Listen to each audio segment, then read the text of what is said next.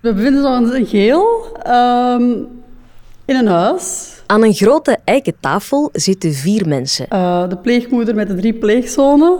En die vier mensen kijken door het raam... Ze zijn wel een beetje ouder, hè. ...naar een gigantische tuin.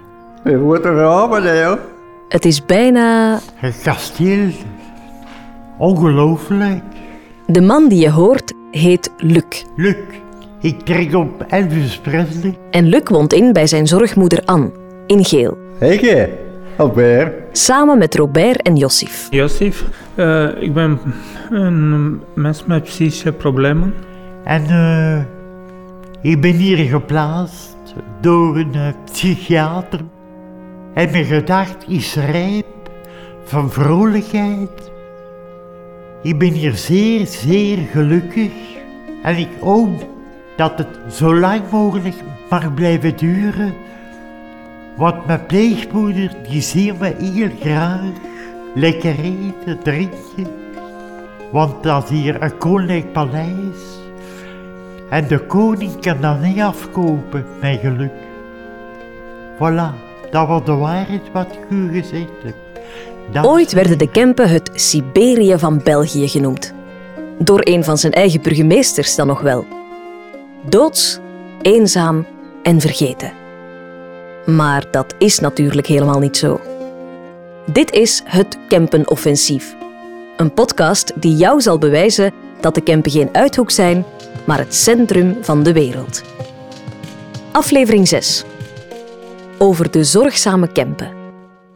Gezinsverpleging op zich, dus het feit dat mensen met een psychische kwetsbaarheid worden opgevangen door gewone gezinnen, dat op zich is niet uniek. Wat dat wel uniek is, is het feit dat er in Geel zoveel pleeggasten verblijven bij heel veel pleeggezinnen.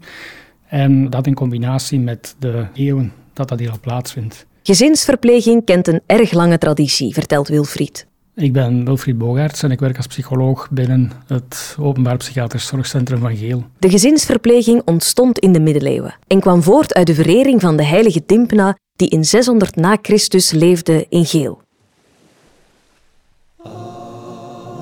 Zij weigerde met haar eigen vader te trouwen. Hij wilde na de dood van zijn echtgenote huwen met een vrouw die even mooi was als de zijne. En enkel zijn dochter voldeed aan dit beeld. En ze sloeg op de vlucht. Van Ierland naar Engeland, het water over naar het Europese vasteland. En dan naar Zammel bij Geel. Maar haar vader vond haar en heeft haar onthoofd, in een vlaag van krankzinnigheid. En zo kwam Dimpna aan haar eind in Geel. Ze werd de beschermheilige van krankzinnigheid. En sindsdien stroomden bedevaarders van over de hele wereld toe in de Sint-Dimpna-kerk in Geel. In de overtuiging dat patiënten er genezen zouden kunnen worden van hun psychische kwetsbaarheid. De bedevaarders bleven toestromen, omdat ze hoopten dat ze door Dimpna genezen zouden worden. Ze moesten langdurig bidden en rituelen volgen om zo het kwade te verdrijven. Na negen dagen bidden in de kerk in Geel werd nagegaan of de duivel verdreven was. En als dat niet het geval was, begon men opnieuw, met opnieuw negen dagen bidden. Ondertussen verbleven de bedevaarders in de ziekkamer, een bijgebouw aan de kerk. Maar in de kerk was er niet genoeg plaats om alle mensen onderdak te blijven bieden. Er moest een andere oplossing gezocht worden. Vanaf toen konden de pelgrims ook verblijven bij mensen die rond de kerk woonden. En in ruil moesten ze dan klusjes doen of betalen. En als de mensen met een psychische kwetsbaarheid genezen waren, konden ze terug met hun familie naar huis. Als dat niet het geval was, bleven de patiënten bij het opvanggezin, om toch ooit nog te genezen.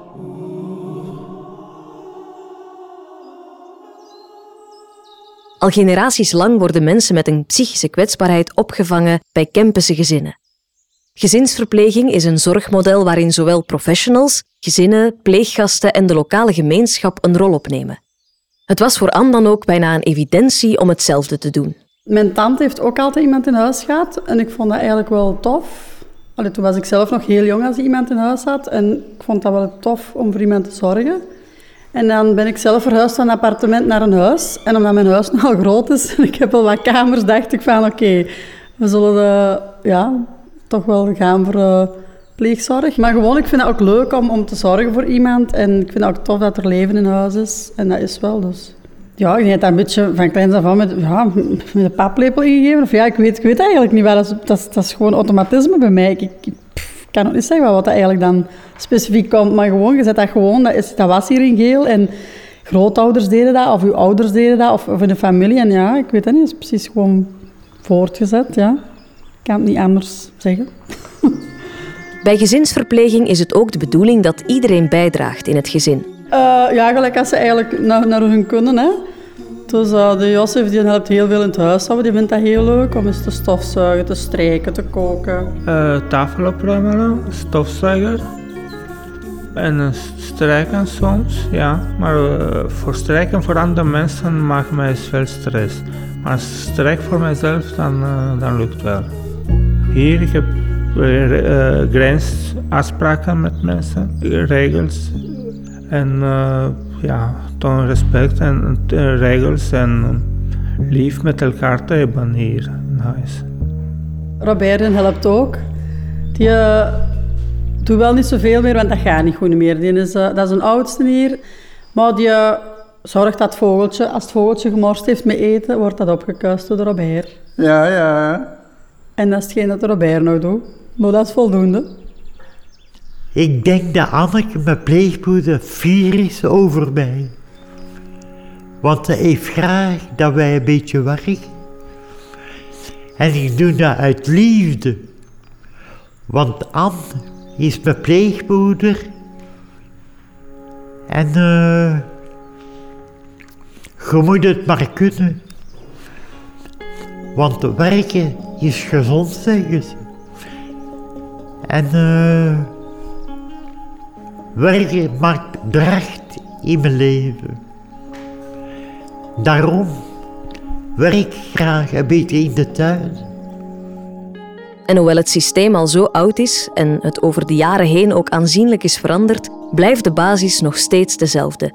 Mensen mogen, zolang dat nodig is, in een gastgezin verblijven. Wilfried vindt dat nog steeds de sterkte van gezinsverpleging. Ik denk dat je in de samenwerking tussen zo'n pleeggezin en de pleeggast of patiënt, die dan aan zijn eigen herstel werkt, in samenwerking ook met de psychiatrische dienst en dan ook met een tolerante omgeving, dat je echt wel een wezenlijk verschil kan maken in het leven van mensen. Uh, wat je bijvoorbeeld wel eens vaker ziet, is dat mensen zeer vaak worden opgenomen binnen een psychiatrisch ziekenhuis, terug naar huis keren. Weer een heropname, weer naar huis, weer een heropname. Zo'n draaideurfenomeen. Uh, en uh, dat je door die mensen een plaats te geven bij een gastgezin, dat je dat proces kan stilleggen. En dat je bij mensen die te maken hebben met heel ernstige beperkingen in het functioneren, omwille van een psychische kwetsbaarheid, dat je dat toch echt nog uh, veranderingen kan op gang brengen. En niet van vandaag op morgen, dat zijn allemaal zaken die natuurlijk heel veel tijd vragen. Het is een, een, een langzaam proces ook, hè, waarin dat mensen zich kunnen hechten aan een nieuwe omgeving, een nieuwe familie, een nieuwe thuis kunnen creëren. En die kunnen zo op langere termijn toch nog wel vooruitgang boeken. En de gezinsverpleging is er niet enkel voor volwassenen. Ook voor kinderen wordt er soms een plek gezocht in een gezin. Wat je bij kinderen of jongeren uh, merkt, is dat door opname in een zorggezin dat die ontwikkeling van die kinderen terug op gang komt en ineens versneld verloopt. Wat dat daarbij dan het moeilijke is, zeker voor zorggezinnen, dat is dat men na de eerste rush of de positieve ervaring, ik zou maar zeggen, van een kind te zien eh, ontwikkelen in positieve zin, dat men daarna wordt geconfronteerd met de beperkingen die er sowieso toch wel zijn en die er waarschijnlijk voor lange tijd gaan blijven. Kinderen met een bijzonder aandachtspunt. Ik heb er altijd een hart voor gehad. Dit is Magda.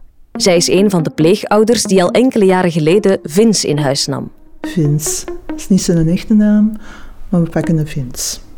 Vins is nu tien. Hij was zeven als we ik hem de eerste keer ontmoette. Het is nu jongen. Iemand met heel veel fantasie en heel veel energie. Hij speelt graag samen, maar is ook graag wel de leider uh, van de groep. Hij heeft wel een legerachterstand, maar hij is spinter genoeg om dat op te vangen door te vragen en door dingen te ondernemen dat hem het wel lukt, de dingen die dat hij niet moeilijk, dat moeilijker is. Hij is heel open, heel gevoelig, gevoelig, zo, ik kan heel emotioneel zijn. Ik kan heel blij zijn, maar ik kan ook heel droef zijn of ik kan ook heel boos zijn. Maar als je daarover praat en kadert, is het ook wel direct oké terug. Van, heeft er enorm veel in bijgeleerd, ook met zijn vriendjes, door grenzen af te zoeken, ook bij elkaar. Van, dit kan wel, dit kan niet. Dat werkt langs beide kanten. Want het is echt iemand die houdt van ook buiten zijn, met zijn go-karken, met zijn fiets. In de zomer kampen bouwen. Goh, wat doen ze nog allemaal? Vince heeft een leerachterstand die ervoor zorgt dat hij soms wat extra aandacht nodig heeft. Ja, het is een uitdaging natuurlijk, maar ik heb ook altijd wel gewollen hè, voor een, al jaren voor een pleegzorgkindje uh, te zorgen. Ik heb eigenlijk nooit niet zelf de kinderwens gehad voor mijn eigen kind te houden, maar wel de wens voor een kind uh, te helpen opgroeien die dat de mogelijkheid niet had of waar dat het gewoon door omstandigheden moeilijker is. En dan mijn man had dan wel een zoon. Al ja, waar ik nog een heel goede contact mee. Maar die was ook al wat ouder, dat was al een, een, tiener. Al, ik bedoel, als, als ik in zijn leven kwam. Ja, en dat is anders ook. Al, ik bedoel, uh, ik zeg het, het is een perfecte match. Vince en ik, al, ik bedoel, ze hebben dat heel goed gedaan. Van, vullen elkaar ook heel goed aan. Ja, dat is gewoon een vrolijk kind. Allee, het is elke dag kei happy op. Er zijn natuurlijk conflicten, maar dat is altijd. Maar ja, dat is gewoon een vrolijk jongetje. Bij de kinderen en de jongeren die wij een plaats geven binnen zorggezinnen, daar werken wij met uh, een doelgroep van kinderen met enerzijds een mentale beperking en bijkomend ook nog een psychiatrische problematiek. Dus die mentale beperking, die op zich, dat is iets wat sowieso zal blijven. En, en dat is iets waarmee dat dan die gezinnen worden geconfronteerd. Hè. Dus, dus men zet daar in het begin volop op in. Uh, door op een gepaste manier op te voeden en de juiste pedagogische omkadering te bieden. Men ziet een felle vooruitgang en dan komt de confrontatie eigenlijk met het plafond van hun, van hun mogelijkheden. En dat dan aanvaarden van mm, we gaan hier toch niet zoveel verder geraken dan het plafond dat we nu bereikt hebben, ja, dat is iets wat we uh, vaker zien terugkomen bij zorggezinnen, zeker als dat zorggezinnen zijn waar dat de kinderen 7 op 7 verblijven. Bij volwassenen is denk ik dat uitgangspunt anders, omdat men daar, de mensen die hier kandidaat stellen om uh, iemand in hun gezin op te nemen, die weten van ja, wij, wij stellen ons kandidaat voor het opnemen van volwassen iemand met beperking waarvan we verwachten dat die waarschijnlijk wel blijvend gaan zijn. En we proberen dan van deze situatie maar het beste te maken. Door die persoon in kwestie hier in ons gezin zich te laten thuisvoelen en hier een nieuwe omgeving te laten creëren. Dat is een, een proces wat ook weer behoorlijk wat tijd vraagt. Hè. Mensen dan helpen inzien van, ja, dat dat waarschijnlijk toch het plafond is dat bereikt is. Um, en eenmaal men dat aanvaard heeft, dan ja, dat maakt het samenleven natuurlijk veel makkelijker dan. Hè. Vince bracht vrolijkheid in het leven van Magda en Magda bracht rust in het leven van Vince. Ik denk gewoon een veilige haven om terug te komen. En hij heeft mij ook gewoon, nu zeker met corona, al ik bedoel, van je staat morgens op, want je moet zorgen voor iemand. En allee, ja, je gaat gewoon maar verder met je leven. En oké, corona komt erbij. Goed, ja, dat is ja, ik bedoel, dat is anders, denk ik. Als ik nu alleen geweest zou zijn met corona, zat ik hier echt ook wel alleen. Al, ik bedoel, van dat. Maar ik heb hem ook rust gegeven en ook wel een bepaalde structuur en ook een bepaalde vertrouwen dat hij kan terugkomen. Oké, ik ben erover gegaan, zoals elk kind doet. Of ik ben eens heel boos geworden, of ik ben toch wel eens niet op tijd teruggekomen. Maar oké, ik kan hier wel terug terecht. Vince vroeg er straks ook van, hij is dan met mijn broer, ze gaan dan wandelen met de honden dan ook. Uh, wat gaat er nu gebeuren? Wil je me kwijt? Ik zei, ah nee, ik, zeg, ik wil niet kwijt. Ik, zeg, ik wil gewoon praten over wat pleegzorg is voor ons. Ik zei wat dat betekent voor ons. Ik zei misschien, dat er misschien andere mensen ook wel warm kunnen gemaakt worden voor terug een kindje in huis te maken. Maar dan kan ik geen broertje niet meer krijgen. Hij wil een broertje. Ik zei, ja wel, ik zei, we kunnen nog altijd wel vandaag opvangen. Ik zei, daar gaan we ook mee starten. Ik zei, dat zijn nog kindjes genoeg. Ah ja, oké. Maar niet enkel Vince heeft die liefde en bevestiging nodig. Ook voor een oudere man, zoals Luc, doet het duidelijk deugd. Uh, wel, uh... Hij herinnert zich nog goed de eerste dag dat hij aankwam in zijn nieuwe thuis. Van voor Op de venster stond er een grote affiche.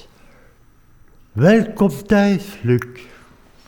Ik zeg in mijn eigen. Dat moet die godverdomme goed meevallen.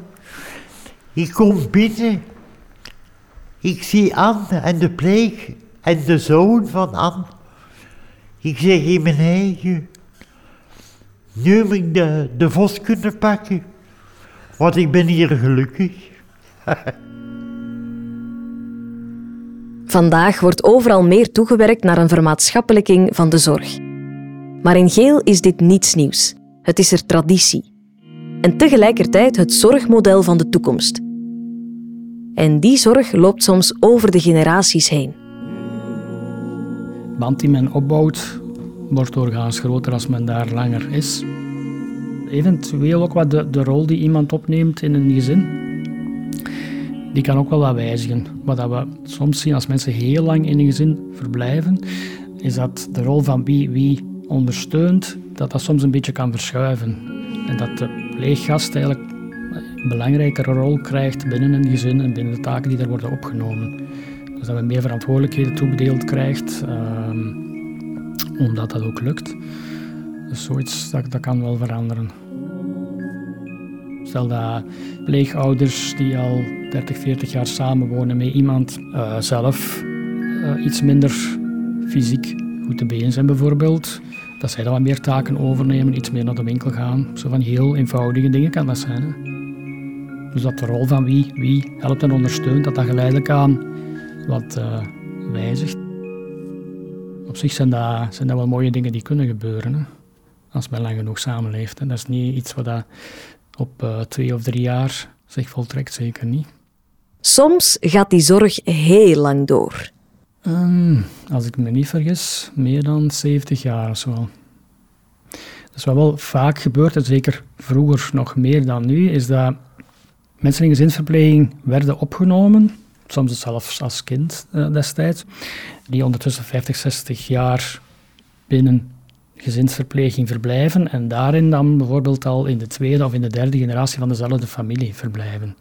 En dat is ook iets wat dat nogal vaak de start vormt van pleegzorgengagement van de, van de pleeggezinnen. Dat men zelf als kind is opgegroeid met een pleeggast in hun eigen familie. En dat op het ogenblik dat de eigen ouders de zorg voor pleeggast niet meer op zich kunnen nemen, dat dan de kinderen die zorg overnemen van de ouders. Vroeger werden mensen met een psychische kwetsbaarheid ook voor een veel langere periode opgenomen. De opnames in deze tijd zijn een stuk korter. En dat verandert ook de zorg die nodig is. Nu um, zijn er ook meer, meer vragen van mensen die een tijdje in het pleeggezin willen verblijven, om daar uh, wat meer aan stabiliteit te winnen, om dan daarna eventueel de stap te zetten naar ofwel zelfstandig wonen of beschut wonen of een andere vorm van, uh, van wonen met aangepaste begeleiding. Dat vraagt natuurlijk ook een heel ander gezin. Hè. Een gezin moet er ook voor openstaan. Maar er zijn ook allemaal mogelijkheden hè, die we kunnen benutten binnen gezinsverpleging. In Geel proberen ze om voor iedereen een passende oplossing te vinden. Als je merkt dat iemand daaraan voordeel doet en zich daar goed bij voelt, dat is een teken dat dat voor die persoon in kwestie werkt. Hè. Wilfried probeert een stabiele omgeving te vinden, zodat de mensen met een psychische kwetsbaarheid zo weinig mogelijk terug moeten opgenomen worden in de psychiatrie. Dat proces van draaideuropnames, als je dat kunt stilleggen, zeker als je in dossiers van mensen kijkt en je kijkt naar die voorgeschiedenis, naar hoe belast die is soms, wat die allemaal hebben meegemaakt, uh, ook aan, verschillende behandelingen, in hoeveel ziekenhuizen dat die al geweest zijn. En dat kan op de duur dan toch leiden tot een situatie waarin men zich comfortabel en goed en stabiel voelt. Hmm, dan denk ik dat dat, ja, dat op zich denk ik, heeft waarde genoeg hè, om dat te kunnen zien. Wilfried en zijn collega's zijn altijd op zoek naar nieuwe gastgezinnen, zowel voor volwassenen als voor kinderen. Maar wat maakt een goed gastgezin? Een ideaal profiel bestaat eigenlijk niet, omdat de, de vragen die er zijn, dus de zorgvragen, wat er nu gaat over een kind of een jonger of een volwassene of ouderen, die zijn zeer, zeer divers, zeer verschillend. Um, het is gewoon een kwestie dat dat past natuurlijk met wat een pleeggezin wel uh, wil en kan aanbieden in hun eigen gezin. Dus daar komt het eigenlijk altijd op neer. Een goede match, match doen tussen die twee noden en verwachtingen, het aanbod van een gezin ook. We zoeken op zich niet naar het ideale gezin. Hè. Wat wij proberen te doen is zicht te krijgen op hoe leeft een gezin, pleeggezin, zorggezin vandaag. En welk type van zorg zou daar dan nog bij kunnen passen, zodanig dat men zich daar goed bij kan voelen en blijven voelen, ook op iets langere termijn. We zullen zeker niet verwachten van gezinnen dat zij hun manier van leven helemaal gaan wijzigen om het samenleven met iemand met psychische kwetsbaarheid mogelijk te maken. Absoluut niet. Als wij zien van een gezin dat die ten allen prijzen uh, zich zullen willen aanpassen om dat toch maar mogelijk te maken, op korte termijn zou je kunnen zeggen dat is heel mooi en heel positief, maar op lange termijn zou dat sowieso niet werken hoor, want dan, ja, hij moet zijn gewone manier van leven kunnen toch in grote mate verder zetten.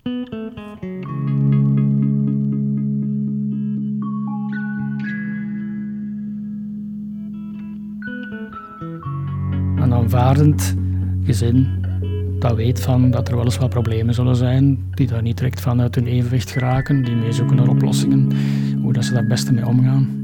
En dat dat dan kan werken, met dan op de achtergrond, eh, soms op de achtergrond, soms op de voorgrond, het psychiatrische element. Dat is denk ik ook wel, iets wat daar werkt hoor, dat een gezin niet de rol krijgt van behandelaar.